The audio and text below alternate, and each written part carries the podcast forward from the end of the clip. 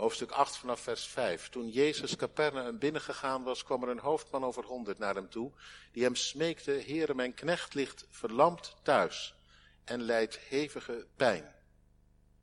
Jezus zei tegen hem, ik zal komen en hem genezen. De hoofdman antwoordde en zei, Heere, ik ben niet waard dat u onder mijn dak komt, maar spreek slechts één woord. En mijn knecht zal genezen zijn, want ook ik ben een mens onder het gezag van anderen en heb zelf soldaten onder mij. Ik zeg tegen de een ga en hij gaat en tegen de ander kom en hij komt en tegen mijn slaaf doe dat en hij doet het. Toen Jezus dit hoorde, verwonderde hij zich. En hij zei tegen hen die hem volgden, voorwaar, ik zeg u, ik heb zelfs in Israël zo'n groot geloof niet gevonden. Maar ik zeg u dat er velen zullen komen van oost en west en ze zullen aan, aan tafel gaan met Abraham, Isaac en Jacob in het koninkrijk der hemelen. En de kinderen van het koninkrijk zullen buiten geworpen worden, in de buitenste duisternis. Daar zal gejammer zijn, een tandengeknes. En Jezus zei tegen de hoofdman, ga heen. En het zal u gaan zoals u geloofd hebt. En zijn knecht is gezond geworden, op datzelfde moment. Gemeente van Christus, broeders en zusters, al lezend bleef er één zinnetje bij mij haken. Toen Jezus dit hoorde, verwonderde hij zich. Dat kan blijkbaar. Het komt niet zo heel vaak voor, meer komt voor dat wij verwonderd staan over hem. Maar in dit geval staat hij verwonderd over een mens. Over wat hij verneemt, hoort. Wat hij zegt, beleidt. Hoe hij gelooft. En dat nog wel een Romein, een hoofdman over honderd, een militair bevelhebber, nota bene. Jezus die zich verbaast, verwondert over wat hij in deze man ontmoet, aan vertrouwen. Apart hè, dat dat mogelijk is.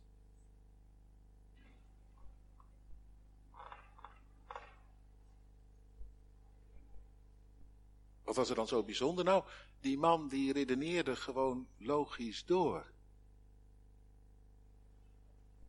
Hij had het nodige van Jezus vernomen, blijkbaar. Zoveel in ieder geval dat hij voelde, in Jezus komt de God van Israël zelf nabij. En nu zegt hij, u bent als ik. Ik ben in dienst van de keizer van Rome. En ik heb anderen onder mij. En ik hoef maar één woord te zeggen en ze gehoorzamen, want het is niet enkel een woord van mij, het is in principe het woord van de keizer. Als ik iets zeg. Dus ik zeg ga en degene tegen wie ik het zeg, die gaat. Ik zeg kom en hij komt, of ik zeg doe dat en hij doet het.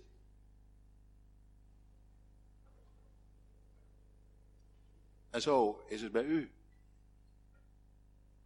De volmacht die ik heb, hebt u ook, maar dan nog net even anders. God zelf zit erachter. Achter al wat u zegt. En een kind kan het begrijpen. Mooi dat jullie er zijn trouwens. Want stel je voor, jij gaat je broertje of je zusje, je gaat je broertje of je zusje roepen voor het eten. Nee, even nog niet voor het eten. Gewoon, zomaar. Hé hey joh, kom eens. Nou ja, dan kan je broertje of zusje natuurlijk komen of denken, ja hoor eens, ik ben nou even met wat anders bezig. Even geen zin in hoor. Nee, nu niet. Dat kan. En dat mag ook. Maar als jij je broertje of zusje voor het eten roept, omdat je moeder of je vader heeft gezegd, ga hem of haar even roepen, dan wordt het anders. Hè? Dan zit die vader of die moeder erachter. En dan kan hij of zij niet zomaar zeggen, ja nou even niet. Nee, want het is niet alleen maar dat jij als broer of zus die ander roept. Het is eigenlijk je vader, je moeder die roept. En daar kun je dan niet omheen, begrijp je? Tuurlijk snap je dat. Dat is een verschil. Nou, zo, zo, zo was het ook bij die Romeinse hoofdman. Achter elk bevel wat hij gaf, zat de keizer van Rome. geja maar was er niet bij. En zo, zegt hij, zo is het ook bij u. Als die Jezus ontmoet. Hoef maar één woord te zeggen en het is het woord van de levende God zelf.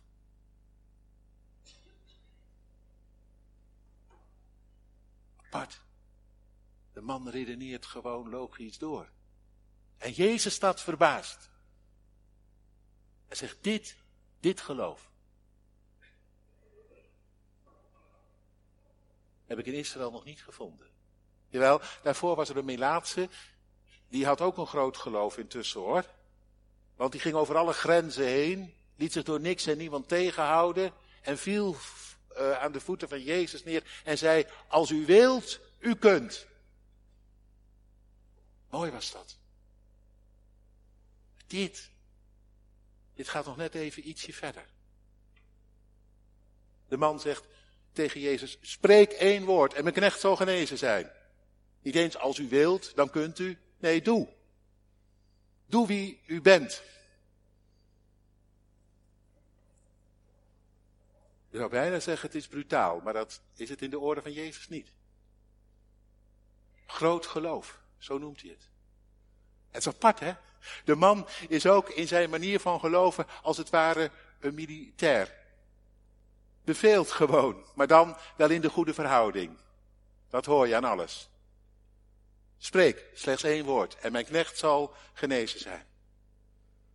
Groot is uw geloof. Zo'n groot geloof.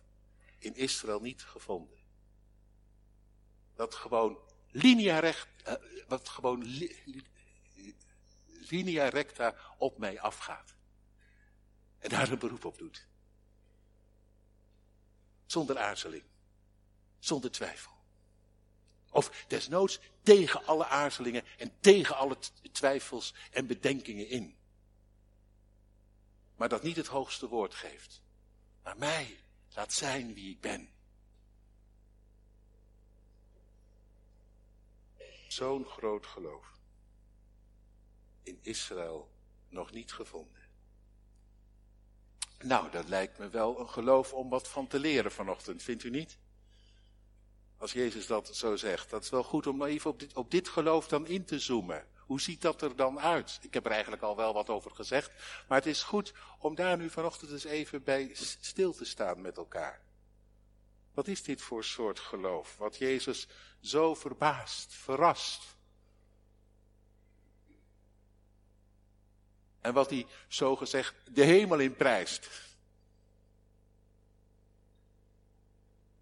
Nou, laten we maar gewoon eens even eh, gaan kijken met elkaar. Wat was het probleem in dit verhaal? Nou, dat was die zieke slaaf. En, en dan moet u weten, in de regel dan maakte men zich daar niet zo erg druk om hoor, om een zieke slaaf.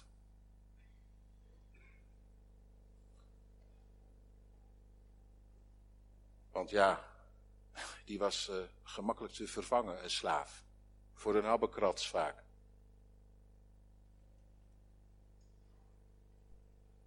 Toch, in dit geval, die hoofdman heeft, ja, heeft zoveel hart voor die man dat hij hem niet zomaar uh, aan zijn lot kan overlaten. Hij kan het niet verdragen dat deze man zou ontvallen. En, en in, het, in een andere evangelie, het Lucas-evangelie, daar, daar, staat dan ook dat, dat hij zeer op deze man gesteld was. Was dus een hele goede slaaf, waar hij echt wat aan had. En dat gebeurde ook wel, dat een slaaf zoveel voor je kon betekenen dat het, het was alsof het je eigen zoon was. En dat je er zo ook mee omging. Nou, zoiets moet het hier ook zijn geweest. In ieder geval een slaaf die voor hem veel betekenis had en waardevol was. En u begrijpt wel, zo'n slaaf vind je niet zo gauw weer. Jawel, je kunt er wel een nieuwe aanschaffen, maar daarmee is er nog niet zo'n relatie zoals die er nu was.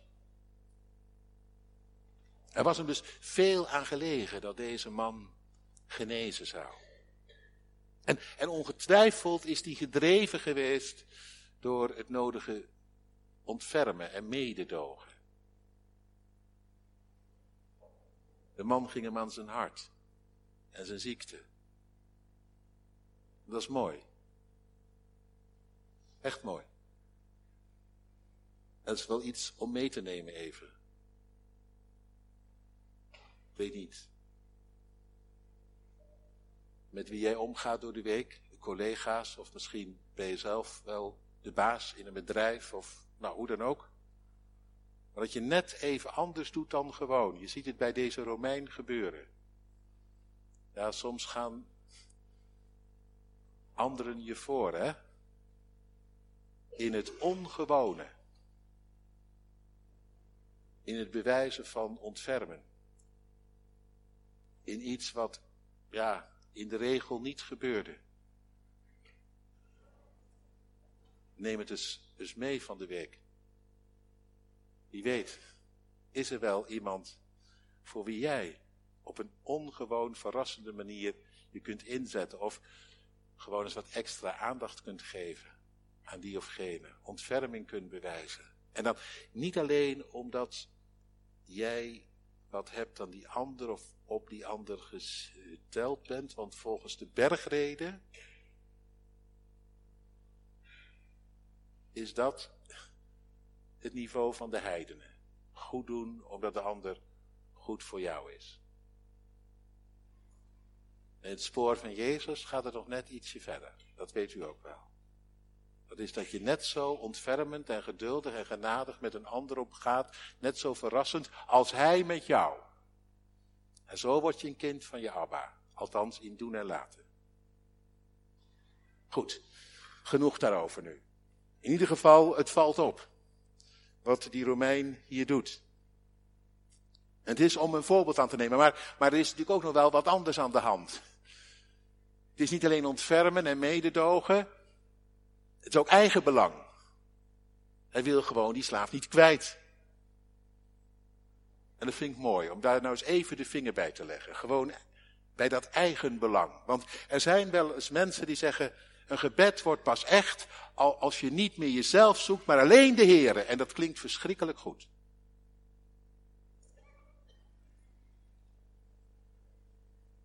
Maar het komt in de Bijbel niet voor. Dat zeg ik u maar. In de Bijbel gaat het altijd over, ja, behalve dat je Hem zoekt, toch in dat zoeken ook over jouw belang. Dat kan helemaal niet. Alleen maar de eer van de Heer. Jawel, jawel, soms wel, soms wel. Wacht even. In aanbidding. Als je totaal geen belangen hebt, maar alleen gewoon Hem ontmoeten in gebed en, en Hem de eer wilt geven om wie die is. Mooi hoor, mooi.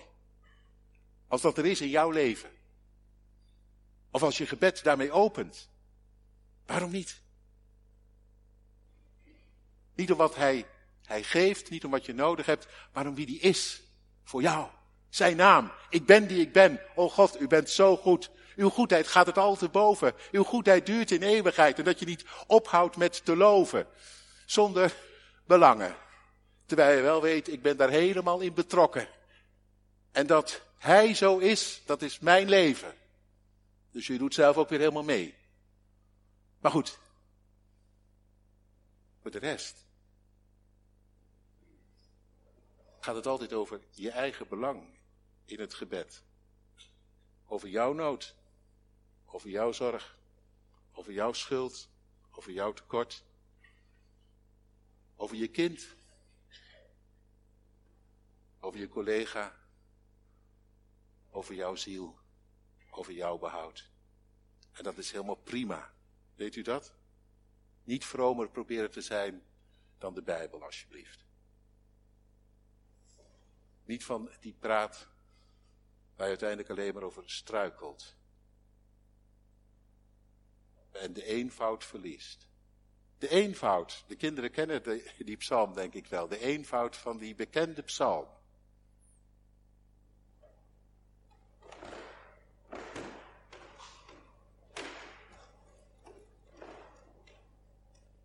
Opent uw mond.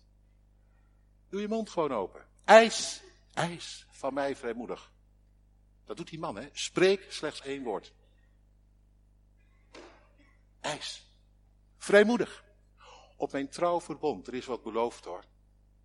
Al wat jou ontbreekt. Allemaal eigen belang, toch? Maar geef niet. Kom er maar mee, ik zie je graag. Schenk ik, zo je het smeekt. Mild en overvloedig. Dat is de Bijbel. En een kind kan het begrijpen. En dan word je honderd. Dan is wat hier wordt gezegd hoop en troost voor je hart. Toch? Hoef je er zelf niks van te maken.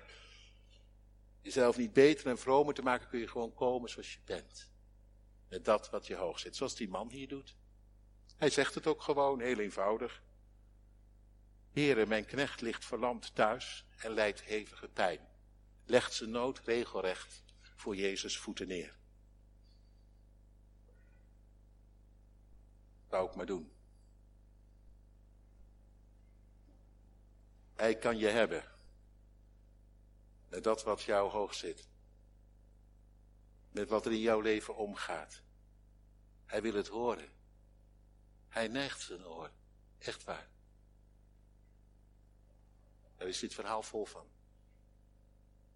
En ik las bij Louis iets heel moois. En dat geef ik toch even mee. Want Louis zei, zelfs al is hij de laatste in de rij. Dat kan, hè. Dat kan in dit geval natuurlijk ook. Het laat zich raden dat die Romeinse hoofdman eerst van alles en nog wat geprobeerd heeft natuurlijk. Maar de pijn die zette door en de verlamming, ja, die ging zo ver dat de man niet meer op kon staan.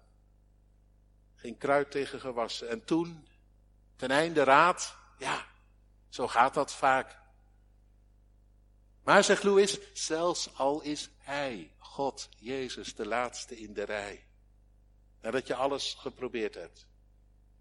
En sterker nog, al heb je hem soms bewust eindeloos ontweken, jaar en dag. En was je van hem niet gediend. Als je komt, ten lange leste, is hij nooit te trots. Vind ik zo mooi. Dat is niet, ja, als je nu pas aankomt, dan hoeft het niet meer. Je komt toch altijd zelf alleen? Je denkt toch niet dat? Dat is allemaal van dat menselijke geredeneer. Hij niet. Dat vind ik zo ontroerend. Hij is niet te trots om zich over jou heen te buigen, zodra je komt. Dat zie je hier gebeuren, hè? Want Jezus zei tegen hem onmiddellijk, gelijk, ik kom, ik zal, hem, ik zal komen en hem genezen. Niet kom je nu pas. En waarom eigenlijk? En hoe zit dat dan? Nee, niet te trots. Om te horen, te helpen, wie je ook bent. Wat je ook eerst probeerde. Ja, en daar zitten we eigenlijk al gelijk midden in de actie van deze man. We hebben het net gehad over zijn probleem. En nu de actie. We zitten er al in, want je ziet hem al, al, al, al liggen aan Jezus' voeten. Ja, ik denk het wel. Liggen aan Jezus' voeten, want er staat, smeekte hem. En in dat woord ligt het eigenlijk opgesloten. Dat hij met heel zijn lichaam, met alles wat in hem was, toevlucht nam. Mooi is dat. Als heel je lichaam erin meedoet in het gebed. is niet verkeerd. Tuurlijk, je kunt ook bidden op de fiets, in de auto en in je bed. Maar ook dat elke dag er een moment is dat heel je lichaam erin meedoet. Dat je knielt. Je handen opheft. Of soms je hoofd heel diep buigt. Gewoon dat alles in jou roept naar God. Dat, dit. En, en dat is natuurlijk voor die man iets geweest totaal buiten zijn comfortzone. Dat begrijpt u. Een stoere Romein, een militair. Die daardoor Capernaum paradeerde. En bevel voerde over het leger wat daar was gelegerd. En dan ineens hier, deze man, in uniform misschien wel. Ja, dat zit er dik in. Daar, aan de voeten van Jezus. Zomaar, aan publiek.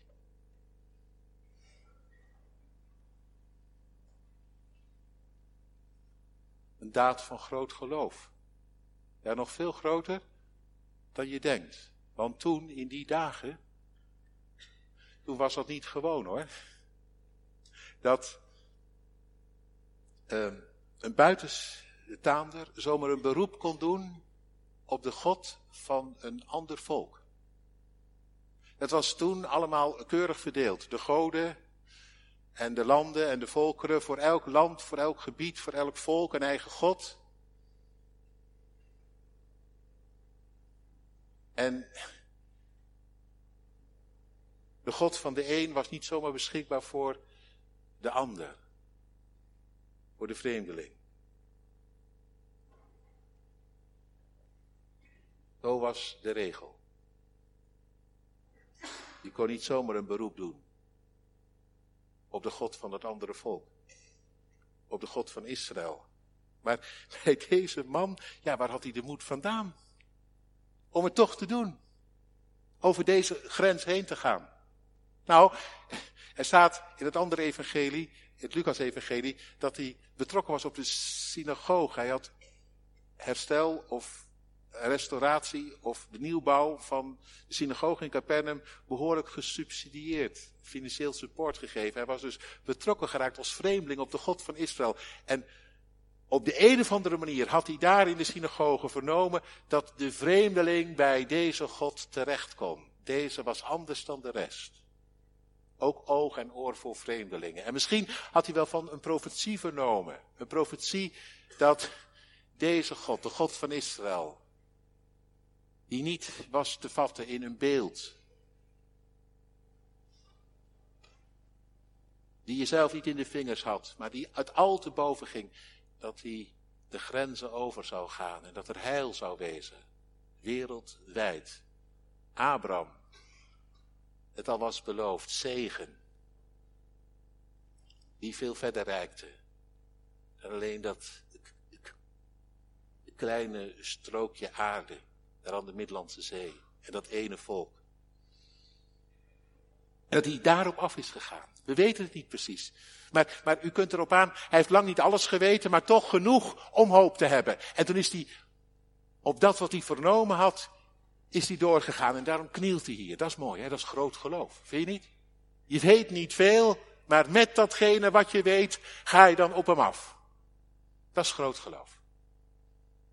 Dat ziet er niet heel groot uit, maar, Jezus die kijkt er doorheen. Jongen, jongen. Die man die wist nog niet half. En toch, hij komt helemaal. Dat is groot geloof.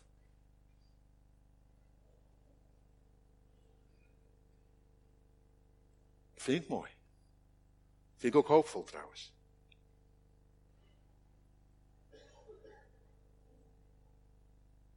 Want het is een geloof waar je allerlei bedenkingen tegen, of het is een, uh, uh, iets waar je allerlei bedenkingen en aarzelingen tegen kunt hebben. Dat kan toch zomaar niet? Dat kan die man ook gedacht hebben. Maar hij gaat tegen de bedenkingen van zijn eigen hoofd in, af, op wat hij heeft gehoord.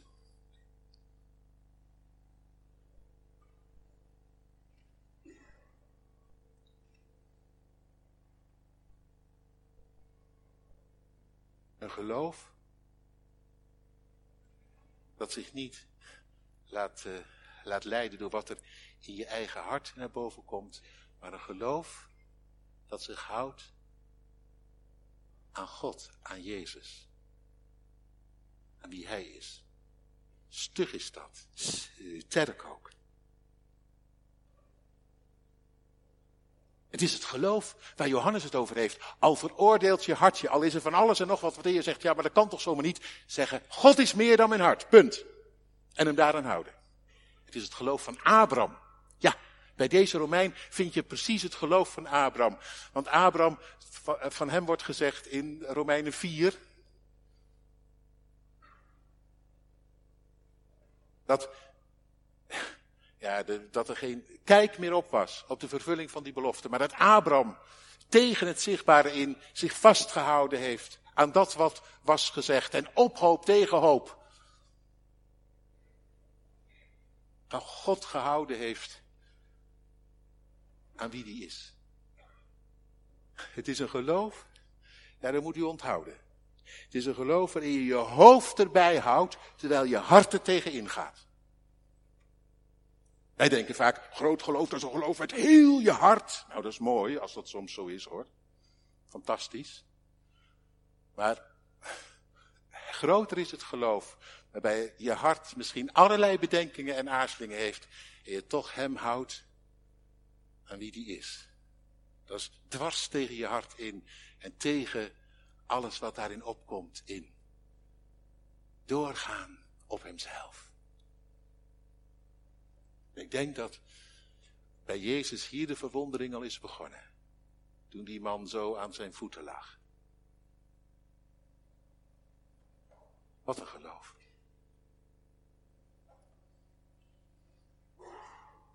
Hij laat zich in ieder geval er door meenemen. Jezus zei tegen hem, ik zal komen. Dit is geloof waardoor door Jezus wordt geraakt en wat hem in beweging zet.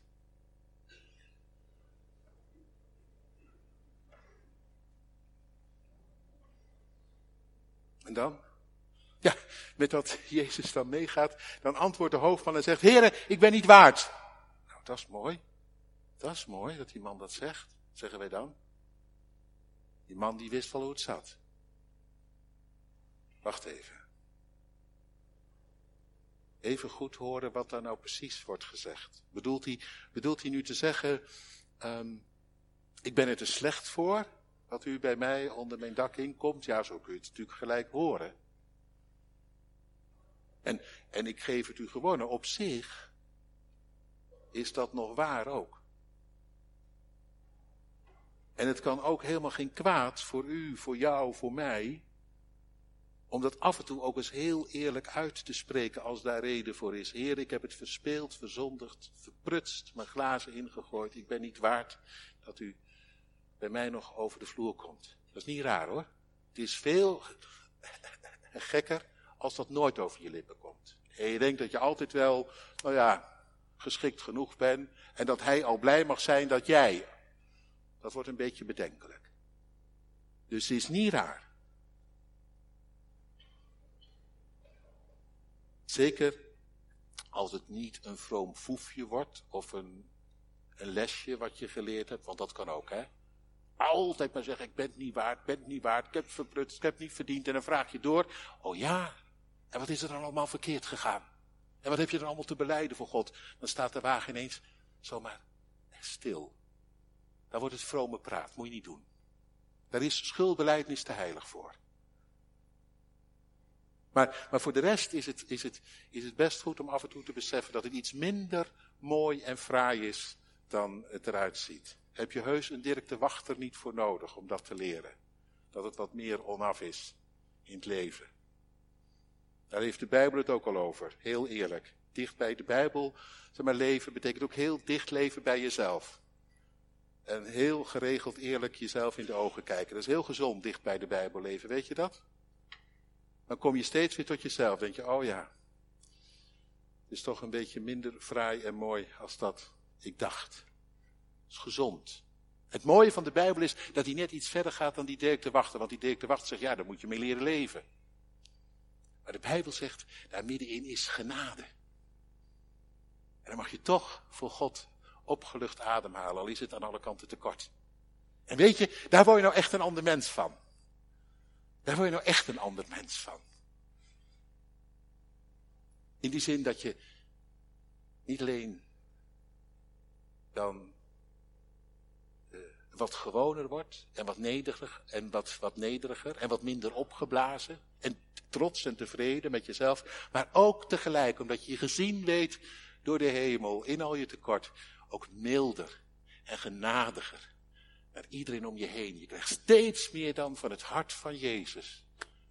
Ik zeg u eerlijk met alle waardering voor wat die Dirk te wachten probeert te zeggen. Dit gaat oneindig veel verder in is. Heel veel meer. Dan wat hij aan therapie bedenken kan. Je zit op de goede plek hier hoor. In de kerk dicht bij het hart van God en dicht bij het hart van Jezus. Kom je ook heel dicht bij je eigen hart. En je wordt er nog anders van ook. Je zit hier echt goed. Daar word je gezond van. Zegt de Bijbel trouwens al. Gezonde leer van het evangelie. Ja, dat is het. Nou ja, goed. Uh, genoeg hierover. Een beetje een uitweiding was dat. Over dat ik ben niet waard. Want ik zeg u er gelijk ook bij. Wat wij ervan maken, dat bedoelde die man niet. Hij bedoelde hier niet, ik heb niks verdiend. Want dan was hij helemaal niet naar Jezus toegekomen. En dat zegt hij niet, ik heb niks verdiend. Hij zegt, spreek slechts één woord. Dus hij zegt niet, ik heb niks verdiend. Hij komt er zelfs om. Hij doet er een beroep op. Hij beveelt het bijna. Eist vrijmoedig. Maar wat is het dan wel? Nou, het is mooi. Het is heel mooi. Toen het tot me doordrong. Hij zegt eigenlijk tegen Jezus, het is niet nodig. Doe geen moeite. Want hij wist, als, als, als Jood, als een Jood bij hem over de vloer kwam, dan was hij ritueel onrein. En dan moest hij zich eerst weer gaan reinigen voordat hij weer kon deelnemen aan uh, de dienst in de synagoge. Hij zei, heren, doe geen moeite. Hij kende zijn plek, zo gezegd. Als u bij mij over de vloer komt, dat is voor u zoveel gedoe. Dat wil ik u niet aandoen. Mooi, hij kende zijn plek. En tegelijk daardoorheen groeit zijn geloof. U bent als ik, dus voor u is één woord genoeg. En dan zeg ik u nog een keer, en ik hoop dat u dat echt onthoudt. Wat is dat nou voor geloof? Ja, hij heeft wat vernomen. En natuurlijk zit de geest daar in het verborgene achter, maar daar hoor je hier niet over. Het wordt wel zichtbaar, hoorbaar, dus de geest zit daarachter. Die gaf te denken op zo'n manier dat hij zich door niks en niemand liet tegenhouden om een beroep op Jezus te doen. Dat is altijd iets van de geest, al kun je het niet precies traceren. Maar, maar als je hem hoort, is zijn geloven eigenlijk gewoon logisch doorredeneren op wie Jezus is. U bent als ik en daarom spreek. Dat is mooi, dat is mooi. Dat, dat maakt het zo mooi. Dat grote geloof, dat is niet een soort onbereikbaar iets. En dat je er maar heel veel om moet vragen of de Heer jou dat ook wil geven. Dat grote geloof hier, dat is geloof wat gewoon doorredeneert. Logisch doorredeneert op wie Jezus is. En dat hoort hij wat graag. Dat je hem houdt aan wie hij is. En je door niks en niemand, en zelfs niet door je eigen gedachten en bedenkingen, laat afleiden. Dat is mooi. En u zult merken als u dat doet, dat het ingewikkelder is dan dat het lijkt. Het heeft niks met oppervlakkigheid te maken. Het is gewoon tegen jezelf in blijven praten. Oh, wat buig je neer, mijn ziel. Tegen je ziel inpraten. Ben je nou helemaal? Hoop op God. Tegen je ziel inpraten. Dat is een groot geloof. Afgaan op zijn naam. Ook nu, op Jezus. U hebt van Jezus vernomen, hè? Jij, iedereen, jong, oud. Je hebt van Jezus vernomen, toch? Tuurlijk, meer dan eens. Jij weet veel meer van Jezus dan die hoofdman het wist. En nu doorredeneren op slechte dagen. Dat je denkt, oh God, wat moet ik met mezelf en wat moet, en wat moet u met mij? En dan wil de duivel, hè, dat je afgaat op je eigen hart en denkt, nou, je hart veroordeelt je. Eh, ik kan vandaag niet aankomen. Wil de duivel wat graag, hè, dat ziet hij zo graag. Dat jij je laat, laat leiden door je eigen jama's en dan wegzakt. En dat, dat lijkt op het eerste gehoor natuurlijk wel goed, dat jij niet zomaar Oh ja, dat woordje zomaar. Beroep doet op Gods genade, maar het is niks hoor. Het lijkt wat, maar het is niks.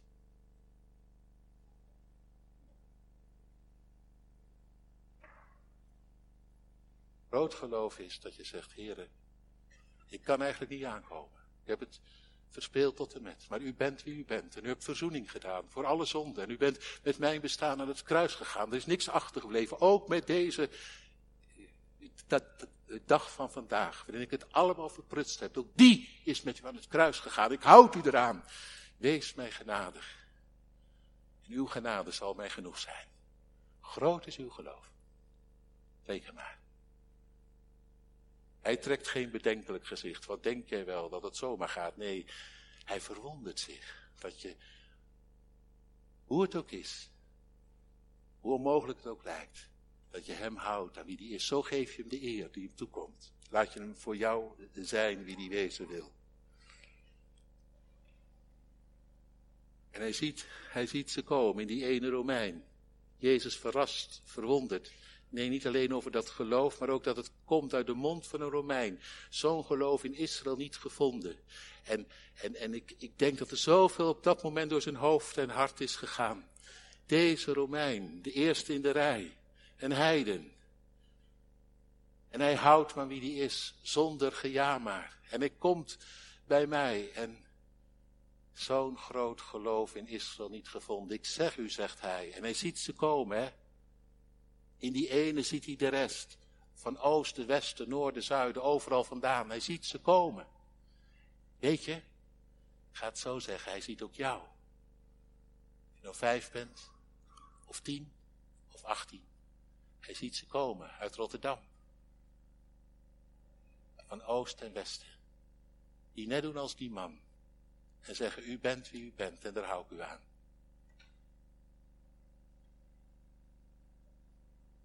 Dan mag je aanschuiven bij Abraham, Isaac en Jacob. En het ervan nemen van al het goede wat hij op tafel zet. Van zijn liefde en genade. In het koninkrijk der hemelen. Hij ziet je. Even de vraag. Ziet hij je nou echt? Schuif je aan achter die Romein? Met jouw bestaan? Zal wel heel rampzalig zijn. Als je zoveel vernam en het er nog steeds niet van kwam. Je was bestemd om erin te delen, zo waar je werd gedoopt. Maar je hebt altijd zo je eigen bedenkingen en je eigen ideeën. En dat je als kind van het koninkrijk buiten dat koninkrijk eindigt. Zegt Jezus. Dat kan. Dat kan ook.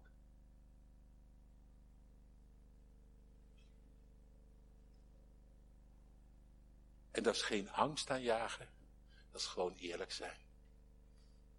En een kind kan begrijpen dat Jezus dat zegt met veel liefde. Want stel dat jouw vader of jouw moeder tegen jou zegt, terwijl je de straat opholt, zomaar zonder uitgekeken te hebben, hey, hier komen en, gewoon een beetje boos wordt ook bijna. Dat kan niet. Waarom zouden ze dat dan doen? Omdat ze een hekel aan je hebben? Natuurlijk niet, maar omdat ze zoveel van je houden dat ze niet willen dat jij verongelukt. Daarvoor is dat toch? Nou, als Jezus hier dat hardhandig zegt, pas op hè. Als je je niet beweegt in dit spoor van deze man, maar je eigen eindje vasthoudt, kom, Dat komt niet goed uit hoor, dat komt niet goed terecht. Dat eindigt in duisternis. Ga je onder in je eigen gelijk. En dat heet verlorenheid. Is dat liefde, lieve mensen? Geen angst zaaien, maar in liefde zoeken. Tot slot. Genezen werd hij die slaaf. Op het gebed van zijn baas. Mooi hè? Ga ik nu niet verder meer over uitweiden. Want dan wordt het te lang en te laat. Dat komt misschien nog wel eens een andere keer. Als God ons geeft aan elkaar. Maar de kracht van voorbeden, hoort u het? Voor een slaaf, die voor die man was als een zoon. De kracht van voorbeden. Dat zit hier ook in, hè? Kom er maar om, hoor. Voor je kind, voor je kleinkind, kom er maar om. Heren, het ligt verlamd. Oh ja, het kan alle kanten op, maar voor u zit er geen beweging in. Wat een pijn. Jouw pijn. Kom er maar om. En hou hem eraan. En verder? Ja, het zal zijn zoals u hebt gezegd. De man, eh, de, de slaaf werd gezond vanaf hetzelfde moment. Dat is nog wel even een pijnpuntje ook. Tuurlijk, prachtig, prachtig, maar ook een pijnpuntje. Want zo worden niet alle gebeden vandaag verhoord. En daar weten wij zelf in ons gezin ook het nodige van. Maar hoe zit dat dan? Niet genoeg geloofd? Als er geen genezing volgt op indringend gebed? Nee. Dit wat hier gebeurt, dat is voorschot van het koninkrijk. Overal waar Jezus is, breekt het koninkrijk even voluit door. Een spoor van heil trekt hij, als een belofte van de toekomst. Dat, dat is het. En wij?